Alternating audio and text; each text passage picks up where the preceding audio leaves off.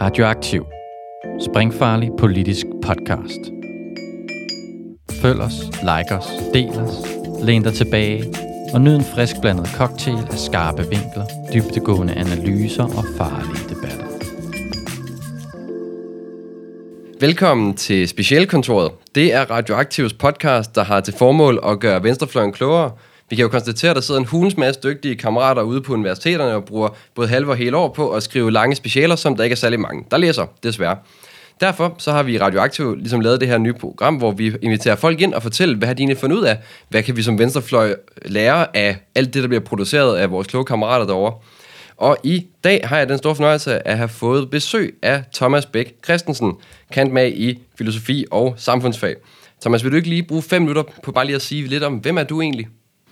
Jo, øh, mit navn er Thomas, og jeg har læst filosofi. Jeg var øh, tre år om min bachelor, og tre et halvt år om min kandidat. Så det er jo, som det skal være. Øh, jeg har skrevet... Jeg har... Lige nu arbejder jeg øh, fuldtid i en organisation, der hedder DESO, hvor jeg arbejder som politisk konsulent.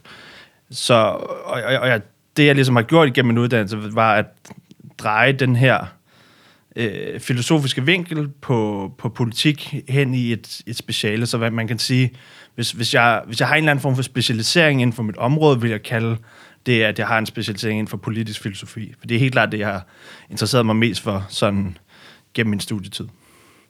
Fedt. Jamen, øh, jamen, jeg står her og kigger på dit speciale, der har den øh, rimelig fængende titel, Den rationelle afdemokratisering.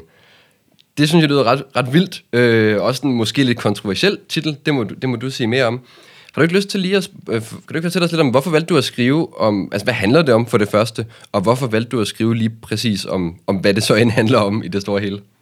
Jo, øh, jeg tror, at det, det, det, der jeg har interesseret mig allermest for i virkeligheden gennem min studietid, det har været det her med, som, som jeg ligesom elsker filosofien for, det, det er det her med at sætte spørgsmålstegn ved mange af de ting, vi tager for givet. Og jeg skrev for eksempel også bachelorprojekt om, om nationalisme og sådan nationale fællesskaber, for det synes jeg også er sådan en ting, vi tager for givet, at, det, at man er bare en del af, altså man betragter bare noget som, som dansk, som værende godt, og det er sådan en ret naturlig tilstand, man har øh, i hvilket som helst land, man har, at man betragter det, at noget forbindes med sin, sit land for, for noget godt. Det, jeg så har gjort, vil gøre med det her speciale, det var, at egentlig at stille spørgsmålstegn ved, ved, ved i virkeligheden to af de ting, som, som, som jeg synes, vi tager allermest for givet. Et er demokratiet, nemlig at demokrati altid er godt. Noget andet er øh, rationel tænkning, eller sådan rationel videnskabelig tænkning. Det er noget, vi også altid forbinder med godt. Og i virkeligheden dykke ned i, i de to begreber og argumentere for, øh, hvorfor de på en eller anden måde faktisk kan være modstridende. Øh, for netop, at ja, det kan lyde kontroversielt, men, men der er ikke noget, det, det er meget vigtigt for mig at sige, at der er ikke noget normativt sådan element i det her special. Det, det er fuldstændig at sige, jeg prøver, at være, jeg prøver ikke at sige, at jeg er meget for demokrati, eller jeg er meget for rationel videnskab. Jeg prøver i virkeligheden at sige, at de to begreber kan være svære at forene, og så må man ligesom selv lægge sin balance. Spændende, spændende. Jeg tror, at der er mange af os, der har en idé om, at øh, demokratiet også sådan her til lands, bare for alle dets fejl og mangler, trods alt stadigvæk er en, en, sådan, en grundlæggende fornuftig og ja, rationel måde at, at styre tingene på. Øh, men altså, at de to ting skulle være i modstrid, synes jeg i hvert fald, tror jeg, nogen vil sidde og tænke, øh, kløser lidt i skægget, som jeg selv står og gør. Og, altså, kan du ikke prøve at putte, øh, altså, tage os igennem det argument, eller sådan, hvordan, hvordan kommer du frem til den spænding, eller det modstillingsforhold, hvis det overhovedet er sådan? Jo. Altså, vil, vil du ikke lige øh, prøve at, at, gå det igennem, sådan, jeg vil sige step by step, så vi kan følge tankegangen? Jo, nu skal I høre. Øhm, ja, nu kommer jeg lige til at køre en monolog i en 10 minutter kvarter måske. Det, det kan være, bryder Det Det, det kan være. simpelthen det, til. Det, det, er så fair. Øhm, jeg, har, jeg har, holdt, har holdt oplæg om et speciale, der, var, der var 45 minutter, uden der var nogen, der afbrød. Det var meget rart. Men, øhm, men i virkeligheden, ja, det, altså, mit speciale er ikke at se ting fra alle mulige forskellige vinkler, fordi alligevel, selvom et speciale er en stor opgave, så er det ikke så stor en opgave. Øhm, det sagde min vejleder meget klart til mig. Så, så det eneste, jeg fokuserer på, det er i virkeligheden argumentet, øh, eller, eller hvad man kan sige, min problemstilling lyder, øh, hvordan er rationel videnskab et problem for det liberale demokrati? Og, så, og det er ligesom i virkeligheden det, jeg bruger 50 sider på at argumentere for, det er, at rationel videnskab er et problem for det liberale demokrati. Og og det, det, det allerførste, jeg gør, det er egentlig sådan relativt kort beskriver og, og uddyber de sådan, to vigtigste principper i, øh, i, sådan, i et liberalt demokrati. Fordi der er selvfølgelig et er, øhm, et, et er selvfølgelig nogle af de der lavpraktiske principper med, at man, det er flertallet, der bestemmer, øh, og man, og man ligesom stemmer om ting i demokratiet, og det er ligesom er magten ud til folket og sådan noget. Det er selvfølgelig øh, det, det, det er noget, jeg vil kalde sådan lidt mere lavpraktiske ting, som, som vi forbinder med demokrati. Men i virkeligheden, det som der er kerneværdierne i det liberale demokrati, det er to ting. Det er negativ frihed, og det er lige rettigheder. Øhm, så det vil sige, mit argument er ligesom, at måden, den rationelle videnskab, som nærmest som en slags ideologi, fungerer på i vores moderne samfund, går simpelthen på kompromis med disse to principper, som er grundlæggende for det liberale, liberale demokrati, nemlig negativ frihed og lige rettigheder. Øhm, jeg, jeg tror lige, jeg skal være nødt til en negativ frihed. Ja, så det er altså friheden fra tvang, ikke? Det, øhm, og særligt, den form for tvang, jeg særligt altså, øh, fokuserer på, det er, eller den, den form for frihed, jeg særligt fokuserer på, det er øh, tankefrihed, kognitiv frihed, frihed til at tænke, hvad du vil, at du ikke er tvunget til at tænke noget. Eller, altså, i vind, altså, negativ frihed handler bare om, at du ikke er tvunget til at gøre noget. Øhm, det er selvfølgelig, altså det, det er det, der ligger i det, men i det ligger der også, at du ikke er tvunget til at tænke noget. Øhm, og det er, og, og grund til, at jeg netop tager fat i det, øh, det er fordi, hele den her idé om rationel videnskab, øh, er, den, den, den form for tænkning er noget, der op, altså udspringer af oplysningstiden. Øhm, så, og i, i oplysningstiden, der er en af, en af de vigtigste filosofer, jeg starter med at tage fat i mit speciale, det er Immanuel Kant. Og han, det han argumenterer for i øh, sådan det lille den lille tekst, der hedder øh, Was ist Aufklärung, altså hvad er øh, oplysning. Det, det, han argumenterer for der, det er de to ting, nemlig, øh, nemlig oplysning og rationel tænkning, automatisk giver en eller anden form for kognitiv frihed. Eller sådan, at det ligesom, det er det, der kommer ud af, at verden bliver mere oplyst. Det er det, der kommer ud af, at vi sådan fritstiller os fra den, øh, den, den katolske kirke. Det er meget det, er meget det han, han ligesom holder øh, fokus på. Altså han mener ligesom, at den, den, den kristne katolske kirke dominerer øh, vores, vores tankegang og har ligesom en form for magt og indflydelse over, hvad vi må og hvad vi må tænke. Øhm, og så siger han, at, at løsningen på, at, på, på at få mere frihed i forhold til, øh, i forhold til tænkning, det er via oplysning. Så, så oplysning er simpelthen bare, hvis jeg forstår det rigtigt her, at man simpelthen smider sig øh, de der kristne dogmer, der dominerer i ens bevidsthed, smider dem væk, og så spørger sådan, så, måske sit inderste selv og med sin fornuft, altså hvordan hænger verden så sammen, ikke? Altså, jo, jo, man skal bruge fornuften, det, det, det er klart, det er Kants sådan øh, altså man kan sige, en af hans kardinalbegreber. Øh, men han, han, han, kan, han bruger blandt andet det her, et, et begreb fra, fra latin, der hedder øh, saper aude, øh, lidt tvivl, hvad man udtaler det, øh, som egentlig betyder sådan mod til at tænke selv. Det, det er ligesom det, han vil have, det er, at han, han, han synes generelt, det, og det er, ikke, det er ikke nødvendigvis den, den, øh, den kristne kirke, han synes er, øh, er, er problemet, fordi Øh, han var selv kristen, men sådan, det, det er ikke så meget, det, at det kun er dem, der er problemet. Det, han synes, der er problemet, det er, når autoriteter bestemmer, øh, hvad folk må skal tænke. Han, han har et, et ret kendt øh, øh, sådan citat, hvor han siger, at øh, det kan være, at jeg lige skal læse det højt, øh, men nu hører jeg råben fra alle sider, resoner ikke. Officeren siger, resoner ikke, men eksisterer. Finansråden siger, resoner ikke, men betal. Den gejstlige siger, resoner ikke, men tro. Kun en eneste herre i verden siger, resoner så meget I vil, og hvad I vil, men adlyd. Så det vil sige, han, han går meget ind for, at man må resonere fuldstændig, hvad man, hvad man ønsker, men der følger stadig selvfølgelig nogle, nogle borgerlige pligter med, når man skal agere i samfundet. Men det er meget vigtigt, men den her kognitive frihed, at der er mulighed for at tænke selv, distanceret fra en eller anden form for autoritet, er, er, er ligesom øh, er, er det, han gerne vil have, og det er det, han mener, oplysning fører til. Så det, men hele den her oplysningsbegreb er så blevet kritiseret. Jeg bruger i, i, mit, øh, i mit speciale bruger jeg sådan tre, tre teorier imod hele det argument, nemlig fordi det kan jo gøre, det er, at han jo siger, at, at frihed og rationalitet smelter sammen. Øhm, men i starten, altså, men den første teori, jeg bruger til at kritisere det, det kommer gennem Max Horkheimer og Theodor V. Adorno i oplysningsdialektik, hvor de sådan mildt sagt er kritiske over for, for, for oplysning, øh, og mener, at den er, sådan, den er instrumentel, og, og særligt også, at den er totalitær. Det vil sige, når, når vi, når vi er, er kommet til den her moderne verden, hvor vi, hvor, hvor rationalitet og rationel videnskab og oplysning ligesom er blevet en form for norm, det, eller det er blevet en form for normal, for, øh, fordi det er ligesom det, der er arven for oplysningstiden, hvor at, altså vi, vi sådan nogle folk som øh, Newton og Galilei og sådan noget, ser vi jo meget op til i dag som værende banebrydende inden for videnskab. Øhm, men, men det, Adorno og Horkheimer de påpeger, det er, at den her rationelle videnskab, eller den her oplysning her, i virkeligheden agerer totalitært, lidt på samme måde, som det kirken gjorde engang. Så det vil sige, at i virkeligheden er der ikke længere, altså er der faktisk ikke mulighed for fri tænkning. Nu er det bare en anden tænkning, der dominerer.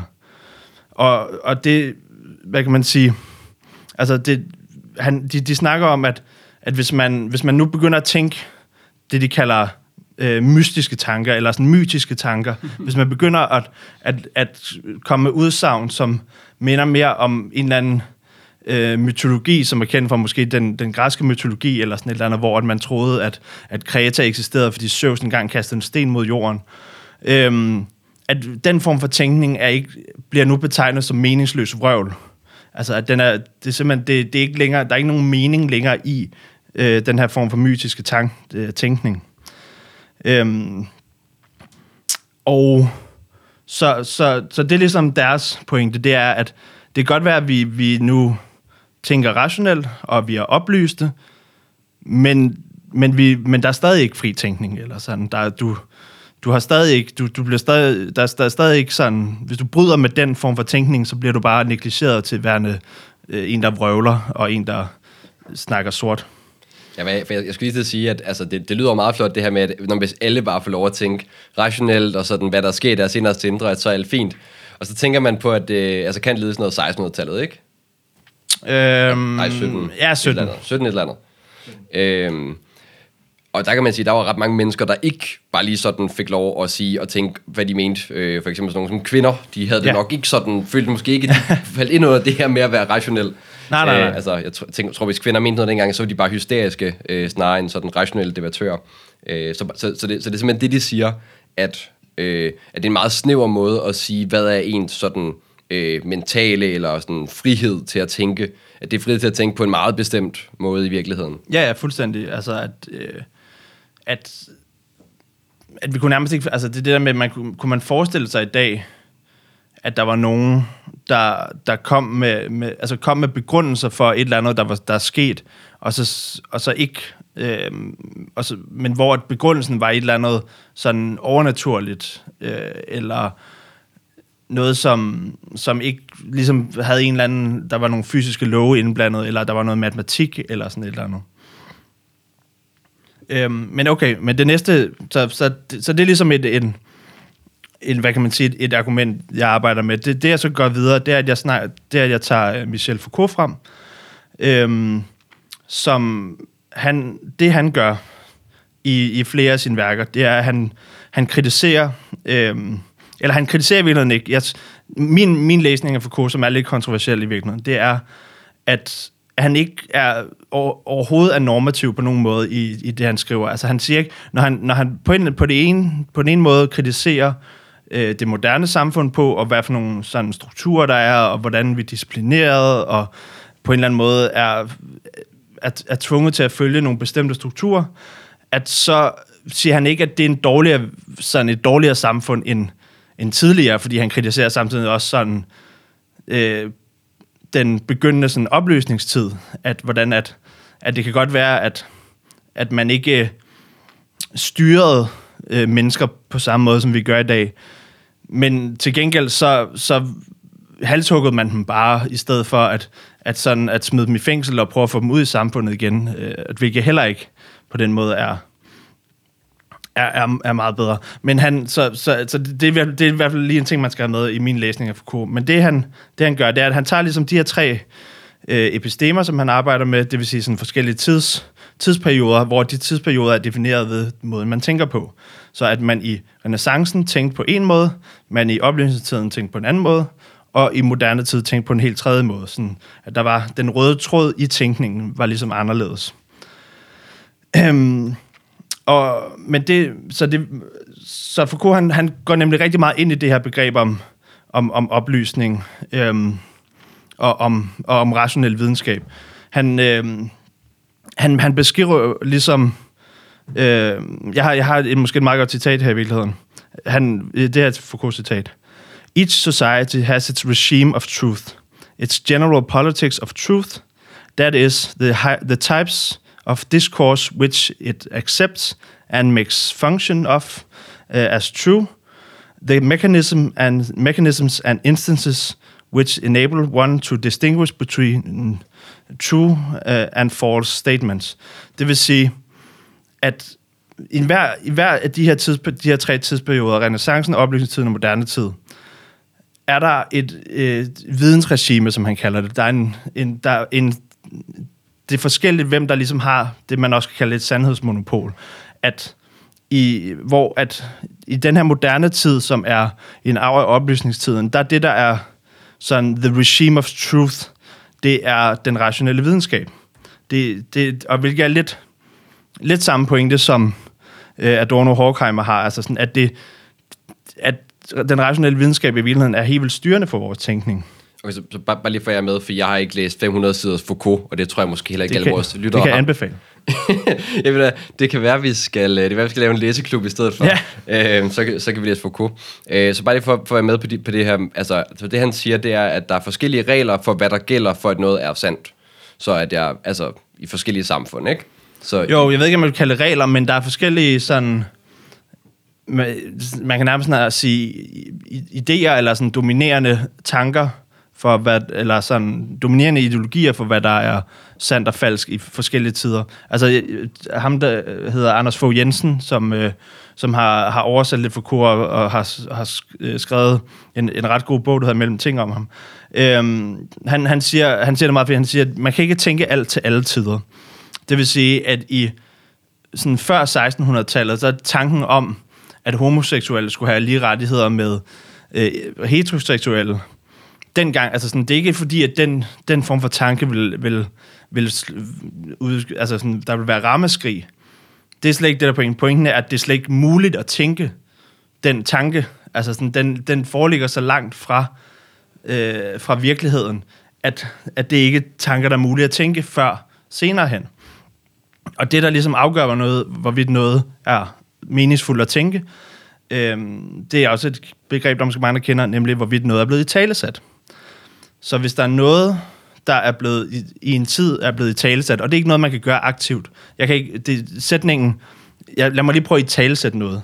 Den, den giver i hvert fald ikke mening i forhold til måden, øh, Foucault bruger det på, hvor, hvor det i virkeligheden er der begrebet sådan, har sin, øh, har sin opvækst øh, fra, det, fra det franske misang diskurs, at, øh, at det vil sige, der skal, der, det skal ligesom være noget, der er i talesat for, for at man kan tænke det, og for at det ligesom er noget, der er meningsfyldt i den tid, man lever i. Men, et, men det, der er øh, Foucaults meget vigtige pointe, det er, at det her med den her videnskab, det vil sige det, der ligesom er viden i den her tid, øh, den moderne tid, er også koblet op på magt. At han har selvfølgelig det her magtbegreb om, at magt er sådan flydende imellem, og det er ikke rigtig noget, man kan have, men det er noget, der ligesom gør sig, til, gør, gør sig gældende i, i forskellige sammenhænge øh, uden at man egentlig sådan rigtig kan, kan håndtere det. Men, der er ikke, men han siger også helt klart, at magt og viden hænger sammen. Så det vil sige, der hvor der er stor koncentration af viden og brug af viden, er der også brug af magt. Øh, hvilket jo lige pludselig overlader dem med viden også med magt. Det vil sige, de mennesker, der levede, der i, på bestemte tidspunkter havde den viden, som var accepteret som værende den rigtige og den meningsfulde, og den der, det, der var sandheden, det var også det med magt. At i før opløsningstiden var det øh, biskopper og præster, der havde magten, fordi det var dem, der havde den viden, der skulle til. Sådan der. Yes, yes glad det- teolog herover. Præcis. Øh, så ja, det, du må jo så have Galilei og Copernicus og dem. Øh, fordi øh, man kan sige, i, i, i arven af opløsningstiden er det jo så den her rationelle videnskab, hvor magten er forbundet til. Det vil sige, det er videnskabelige eksperter, der ligesom sidder med magten lige pludselig. Og en vigtig sidste pointe hos Foucault, det er, at den her, øh, at, at en af årsagerne til, at, altså, eller fordi de, den her form for rationel videnskab, den, den, den har været med til at, at hvad kan man sige, udforme vores samfund på mange punkter. Den har, den har blandt andet været med til at gøre, for eksempel, at vores fængselssystem virker meget mere effektivt. At man før, øh, der kom, altså at den rationelle videnskab er jo ikke kun fysik og biologi og sådan noget, det er jo også økonomi. Og økonomisk er det meget mere effektivt, finder man ud af, at i stedet for at halshugge nogen øh, som straf, så smider man dem i fængsel, man disciplinerer dem, og så sender man dem ud i samfundet igen som arbejdskraft. Giver det mening? Ja, det, ja jeg, jeg, jeg tror, jeg er med. Så, så, så, så når du siger rationel videnskab, så er det ikke, som du siger, bare fysik og matematik og kemi og sådan Man noget. kan sige, altså der skal jo... Jo, altså det er det, der er øh, kernen i det. Det er også det, der er kernen i økonomi. Det er jo også matematik. Mm. Det er jo, at der er en logik imellem dit, altså i, i limets tegn, ikke? Eller sådan, at... Øhm, altså, og det vil sige, at, at den her rationelle tænkning begynder jo at fylde i alle former for videnskaber. Og ja, helt klart. Det er jo også selvfølgelig også noget, vi kan se sådan helt aktuelt som, som, som venstrefløj, når man prøver at udfordre. Øh, altså, der er jo mange venstreorienterede, der disse dage taler om, at man skal øh, få Finansministeriet til at bruge nogle andre regnemodeller, fordi man bliver mm. ved med at tro, at, at øh, det kun koster Ja. penge at investere i nogle ting, vi egentlig godt kan lide, for eksempel Og børnehaver. Finansministeriets regnemodeller har, virker lidt, så har lidt sådan den der sandhedsmonopol, ikke? Altså, øhm, men det, og, den, og meget af det, der kommer ud af deres regnemodeller, og meget af det, der, som Finansministeriet finder på, er jo, hvordan kan vi øh, lave incitamenter, som kan styre folk i den retning, vi godt vil have, ikke? Og, og oftest er svaret på det, at hvis mennesker så ikke gider at gøre det, så kalder man dem dogne og udulige. Ja, Men, yes. men det var en øh, sidegeschæft. Men okay, men så, altså sådan, det her begreb om disciplinering er jo stort hos Foucault. Øhm, det tænker jeg, der er mange, der ved. Nej, det ved jeg ikke. Øhm, så, så, så det bliver ligesom...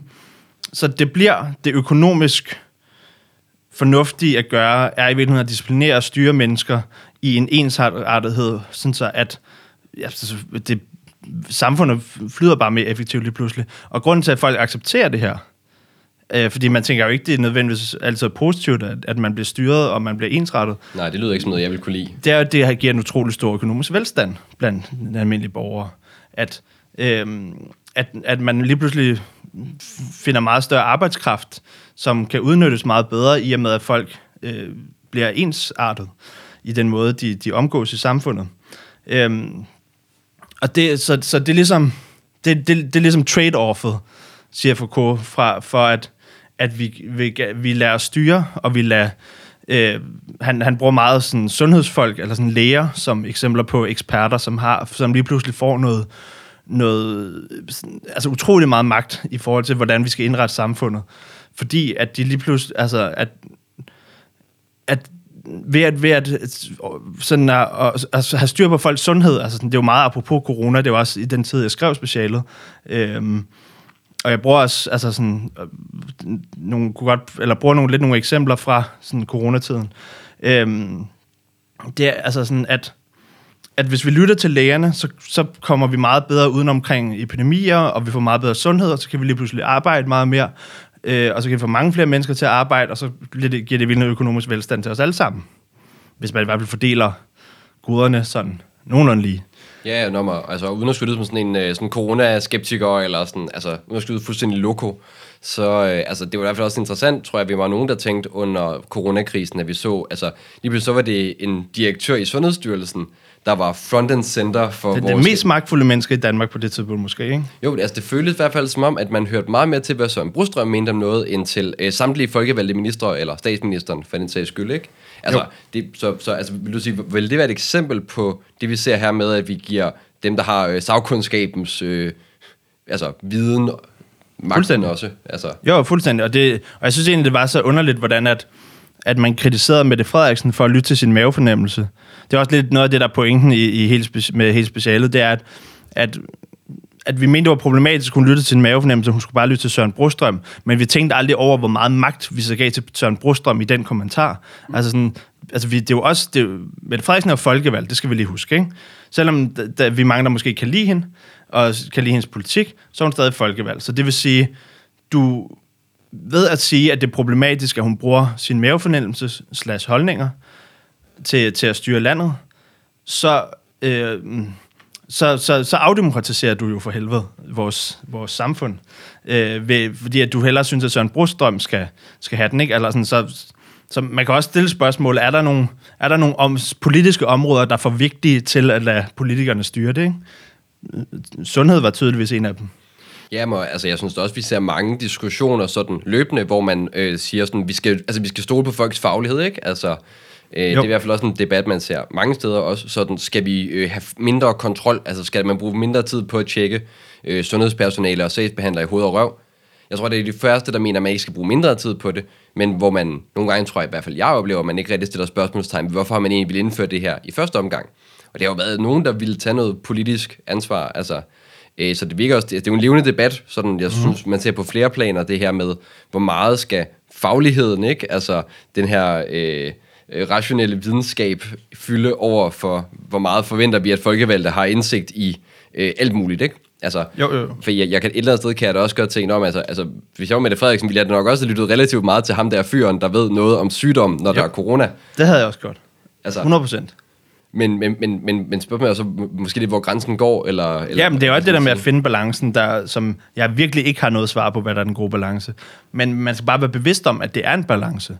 Øhm, jeg tror lige, jeg vil- færdiggøre ved, ved at tage den sidste teoretiker ind, som hedder Paul Feyerabend, som øh, har skrevet en bog, der hedder Science in a Free Society. Øhm, hvor han, det, er, det er ham, der så kobler, hvad kan man sige, hele den her... Han køber rigtig meget ideen om, fra Adorno Horkheimer, om at øh, videnskaben er alt dominerende. Paul Feyerabend kalder det selv the excellence of science. Øh, han har mange rigtig fede beskrivelser af, hvordan at den fuldstændig altså sådan, dominerer vores, øh, vores debat og vores mm, mm, sådan, måde at forholde os til hinanden på. Øh, og han sammenligner det, det nemlig også rigtig meget med den form for magt, som kirken havde før oplysningstiden. At han siger ligesom, at det ikke, vi er ikke blevet på den måde nødvendigvis blevet friere tankemæssigt af, at kirken ikke længere har den magt, den har. Den er bare blevet udskiftet med noget andet. Og, og, det, og hele den sådan sammenligning bruger han faktisk også til at sige, at det, altså det for Paul Farben gerne vil, det er, at ligesom at øh, stat og kirke på mange punkter er, er separeret fra hinanden. Det er sådan lidt forskelligt, hvilken land man er i, selvfølgelig. øhm, så burde videnskab og stat også være separeret fra hinanden. Det er en meget sjov tanke. Han beskriver ikke helt, hvad det, hvad det egentlig betyder. Øhm, men, han, men hans største problem er i virkeligheden, at han, han, køber de her, han køber ret meget de her principper, der ligger i det liberale demokrati, nemlig tankefrihed og lige rettigheder. Og han, og han mener ligesom, at man går på kompromis med begge, når man lader videnskaben dominere på den måde, den gør. At vi kan ikke få lov til at tænke, hvad vi vil, uden at blive kaldt nogle vrøvlende idioter, øh, hvis vi ikke tænker logisk.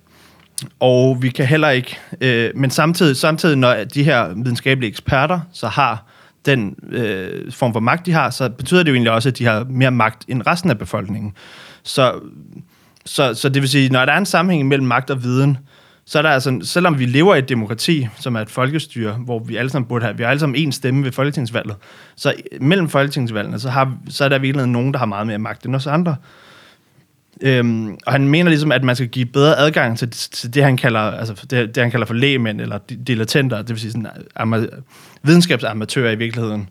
Øhm, skal, han, mener han, at man skal overlede meget mere politisk magt til, fordi at han mener, at man, man har meget mere øh, livserfaring på en eller anden måde, og, man, og mange, af de hold, eller mange af de politikker, som skal, skal besluttes, jo også, at det, det er jo nogen, der rører de her, øh, det, er jo, det, er jo nogen, det er jo nogen, der berører lægemændene. Og han mener, at det, når, når politikken går ud over nogen, så burde de mennesker, de går ud over, også have større indflydelse på det.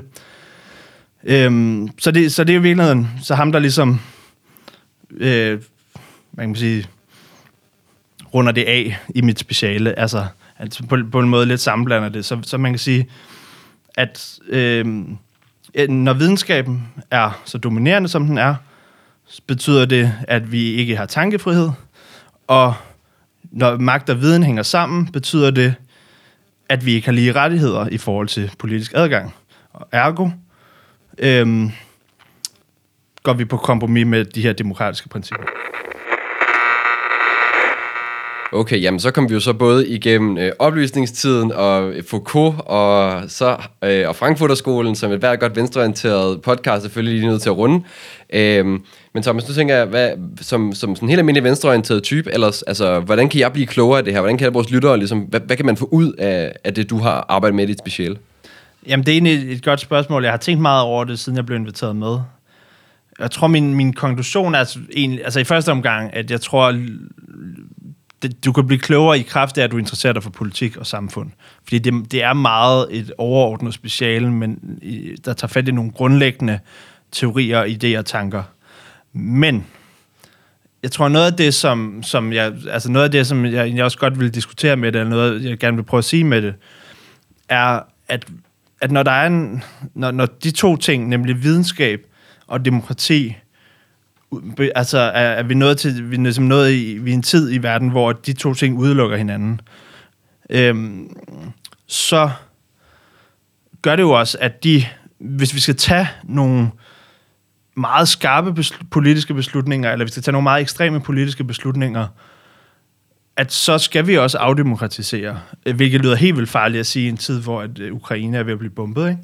Ja, jeg står her og så ja. meget store øjne kan afsløre. Men at på den måde, eller vi skal i hvert fald huske på, og det var også det, øh, ko, altså det, corona også viste, at, at vi kunne reagere sindssygt meget hurtigere på epidemien og virusen, når, da vi gav al magten til e, epidemiudvalget og, og, og regeringen.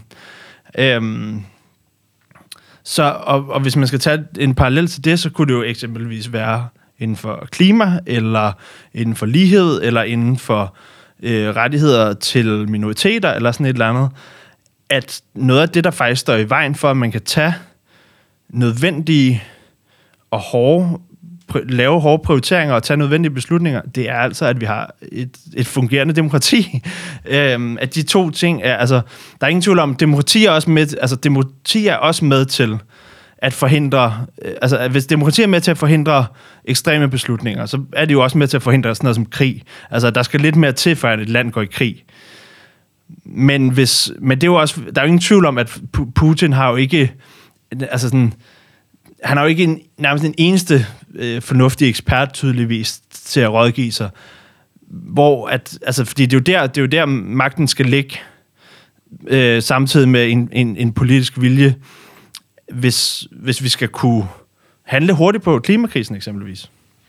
Altså, jeg, jeg, jeg tror godt, jeg kan være med så langt, som at man som øh, venstreorienteret sådan, kan være godt kritisk over for meget, øh, altså for demokrati i det hele taget, at øh, altså, der er noget i det her med at lade dem, der faktisk ved noget om ting, og noget af det, som måske særligt også dem, der bliver påvirket øh, af noget, at, at de måske har en anden særlig indsigt i det. Altså, øh, jeg tænker selv sådan, øh, den store anarkistteoretiker øh, Bakunin, tror jeg det var, der sagde, at øh, når det kommer til spørgsmål om sko, så skulle man spørge skomaren, ikke? Altså jo. selv i sådan et... et, et, et Meget øh, simpelt. Ja. ja. Altså selv i et anarki, så vil man sige, så behøver man faktisk ikke have, altså jeg tror måske Navli, han har tænkt på, at der var en masse byråkrater, der sad og øh, netop sådan prøvede at forhindre for eksempel skomageren i at effektivisere den mest yeah. bedste Det, det ville fuldstændig vanvittigt, hvis man gik ind på en lægegang, eller gik ind på et hospital, og så øh, var det en, en random folk, mennesker, der skulle række hånden op, og så flertallet skulle ligesom bestemme, om hvorvidt man skulle fjerne blindtarmen eller ej, ikke? Ja, den, den klinik tror jeg heller ikke, jeg havde lyst til at besøge. Øhm, men der er vel også, altså, sådan, du har også selv lidt inde på det, altså, der er vel også en fare ved, at altså, når jeg sådan lige kigger ud over verden, at så blæser der også politiske vinde, der ikke går i særlig progressive retninger. Altså, nogen, som bestemt ikke er interesseret i kvinder og minoriteter for bedre rettigheder, nogen, der bestemt ikke er interesseret i, at den almindelige arbejderklasse får flere penge mellem hænderne, eller får mere magt og indflydelse over eget liv, men nogen, altså, altså en masse fascister, vil jo også sige, at ja, det er en super god idé at afskaffe øh, demokratiet, ja, ja. fordi så kan vi bare bruge, lave den bedste politik. Ja. Og så vil de sige, den bedste politik er jo selvfølgelig, og så vil de præsentere et fuldstændig uhyrligt program, ikke? Ja. Altså, at, at, der er ikke også et andet i, at man risikerer at fjerne nogen af de sådan, øh, altså helt afpraktisk, nogle af de grundlæggende forhindringer, der er for, at man bare sådan øh, smadrer folk fuldstændig. Jo, jo, altså helt klart, der er ingen tvivl om, altså sådan, at at spørgsmålet er, hvad, der bliver, ligesom, hvad, hvad det er for en politik, man, man vil have indført, og at jo mindre demokratiseret det er, jo mindre byråkratisk er det også typisk, øhm, så, så, kan man, så, så kan du netop træffe store beslutninger nemmere. Øh, og det kan både betyde holocaust, men det kan også betyde at klare en klimakris. Øh, det, det er fuldstændig rigtigt. Så jeg tror egentlig, altså, og, og det er måske det, sådan noget som uddannelse i virkeligheden er ret vigtigt, at sørge for, at, at, at, øh, at samfundet er uddannet kritisk nok. Altså, der er ingen tvivl om, at at hvis der, går, hvis der går nok mennesker på gaden og invaderer Christiansborg, eller sådan, så skal de der politikere sgu nok blive bange alligevel. Så jeg tror, at man kan stadig godt bruge folkelig magt, selvom man ikke, selvom man, man afdemokratiserer. Det er jo ingen tvivl om, fordi at altså masserne i sig selv har en form for magt. Men jeg tror, altså, er det ikke også, som jeg husker det, faktisk en pointe hos Marx, at, øhm, at revolutionen kan først komme, når demokratiet også slår, går for lidt, eller sådan når demokratiet også spiller for lidt. Ja, uden at være helt skarp på øh, sådan min mark, så kan være nogle af vores lyttere øh, skriver om red mail, det skal man altid være velkommen til at korrigere noget bagligt, vi får sagt herinde. Øh, så jeg, jeg er ret sikker på, at der er en tænkning, der hedder, at sådan, som han forstår det der sådan begyndende spirende demokrati-ish, at så er det en, et høj grad et instrument for borgerskabet. Ikke? Øh, så altså, jeg vil sige, det er svært at tænke hvis man tænker sådan meget konkret i forlængelse af Marx, tror jeg, det er svært ikke at tænke, at man på et tidspunkt er nødt til at øh, lave, altså det han jo også kalder proletariatets diktatur, ikke? Mm, altså, mm, jo, jo, jo. Øh, hvor det der ideen om, at øh, øh, en mand, en stemme, som vi også tit kan se, betyder, at en krone på lommen giver en stemme, altså at det må ophøre, så arbejderklassen faktisk kan overtage øh, fordi den ligesom har, kvæg at være den største klasse, har retten og muligheden og magten til at gøre det. Øh, Altså, jeg, jeg, jeg kunne ikke godt tænke mig at spørge til, altså, om der ikke også er en fare i den her tænkning med øh, sådan at lade, man kan sige, ekspertvældet øh, overtage demokratiet. Altså, er, er noget af argumentet for, at det ikke næsten sådan en målet, der helliger midlet?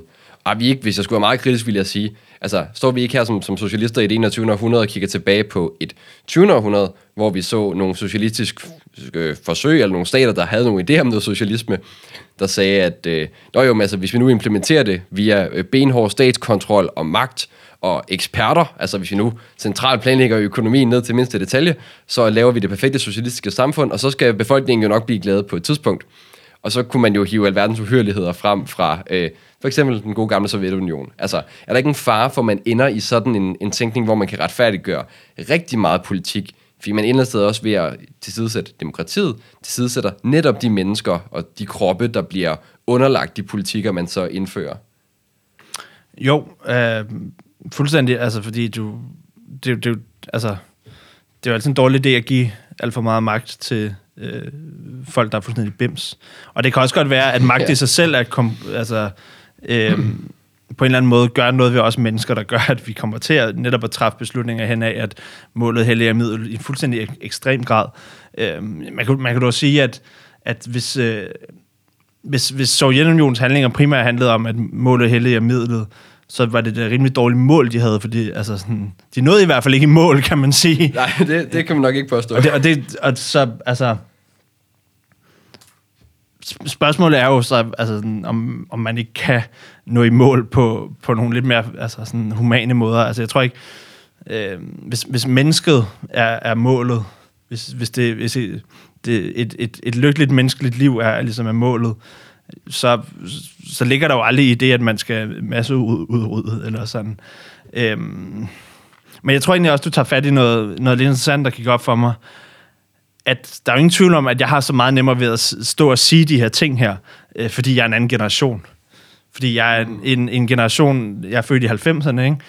at øh, det, det mener jeg da også, jeg har set flere undersøgelser omkring, at hvis man spørger øh, generationen før mig, en ældre generation, min forældres generation, så er så, så hvorvidt om de tør overlade magten til en mere autoritær øh, stat, eller mere autoritært styre, det, det, det er de meget mindre villige til, den generation, end min generation er. Og det har helt sikkert noget at gøre med, hvad jeg har oplevet, og hvad jeg forbinder, og hvad jeg har lært i skolen, end mine forældre, som skulle, som, hvor noget af deres skolegang gik med, at man skulle lære at gå under bordene, hvis i kraft i tilfælde af atomvåben. Ikke? Ja, altså, der var sådan en hel idé om, at altså, sådan det demokratiske Vesten mod det altså, autoritære og diktatoriske Sovjet, ikke? Altså, jo helt, jeg tror, du er meget ret i, at det, det er også noget, jeg selv har tænkt meget over, for jeg er også ved i 90'erne, øh, og der er i hvert fald en vis interessant sådan parallel til, at man øh, selvfølgelig opvokset nogle helt andre kår, og altså, man måske stadigvæk også nu i dag på venstrefløjen har lidt sådan en, en, en generationskløft nogle gange imellem øh, dem, der måske havde nogle af deres formative år, som de oplevede det der øh, sovjetiske hæmmerige, der var over på, i, i Øst, at det måske egentlig ikke var så fedt, som man lige troede.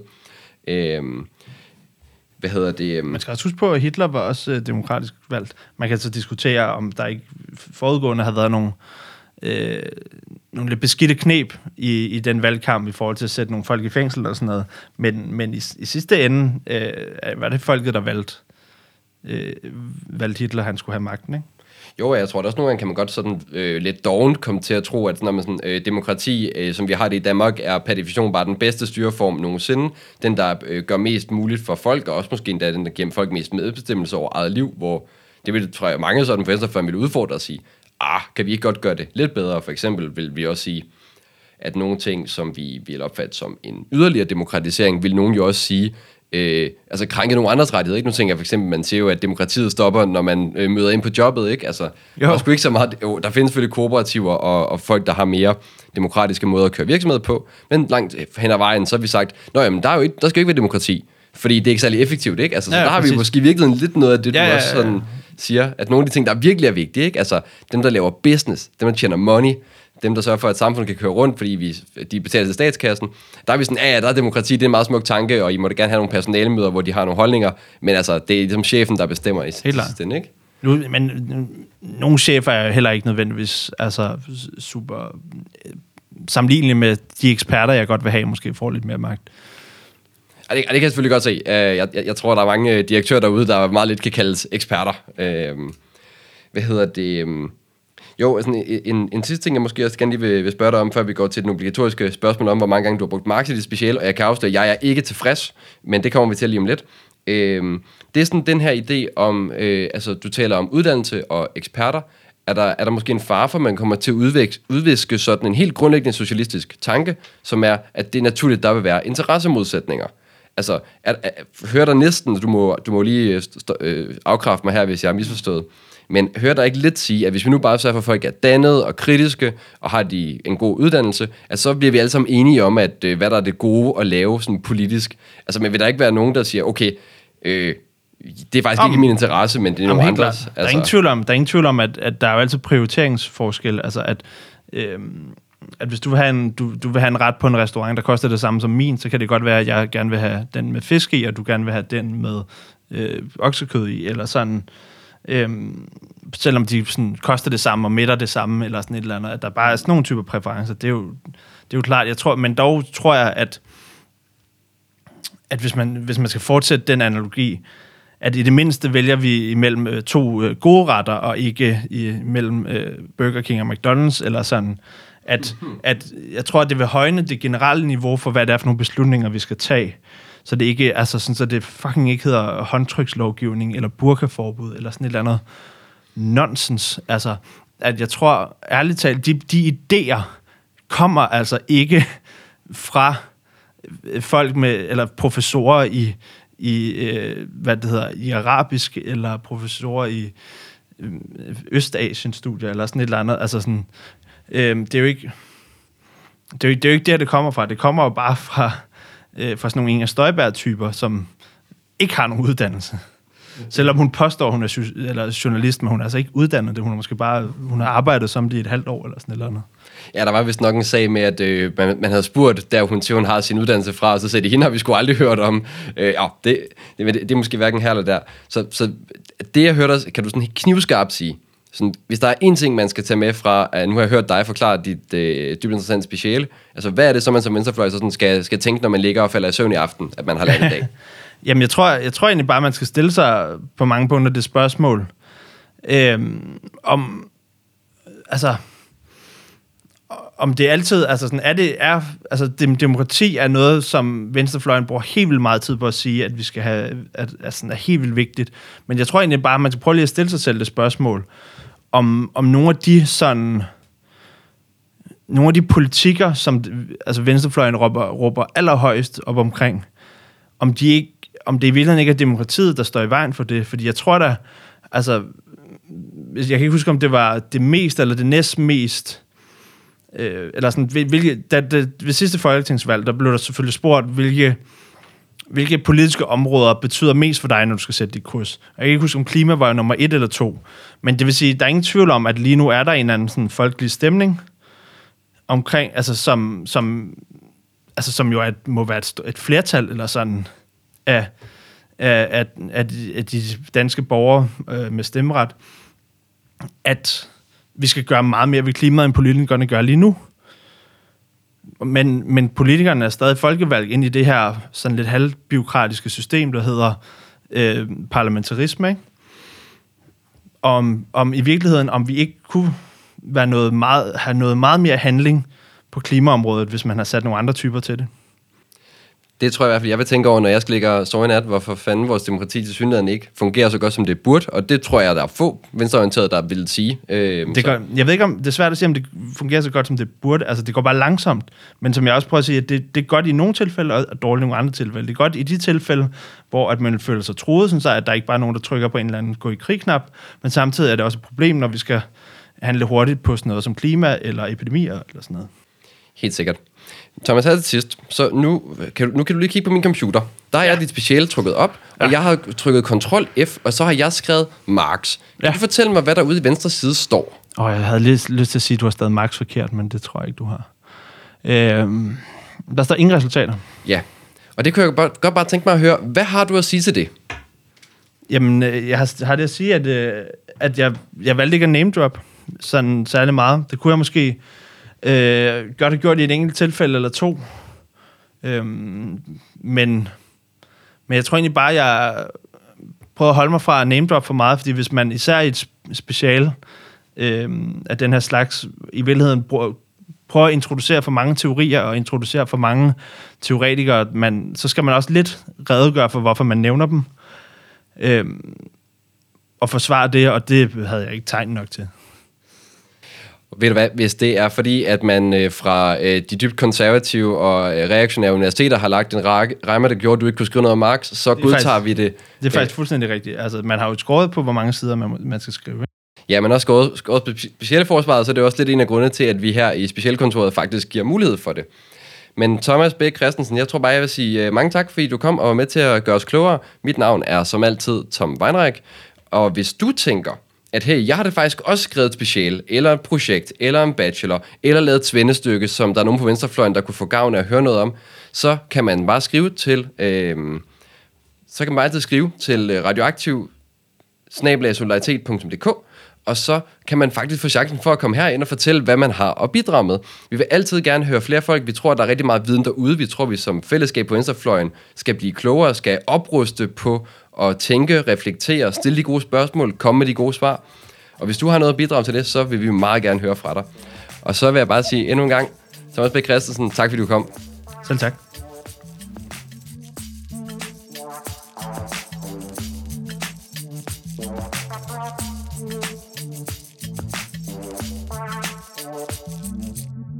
Oh ja.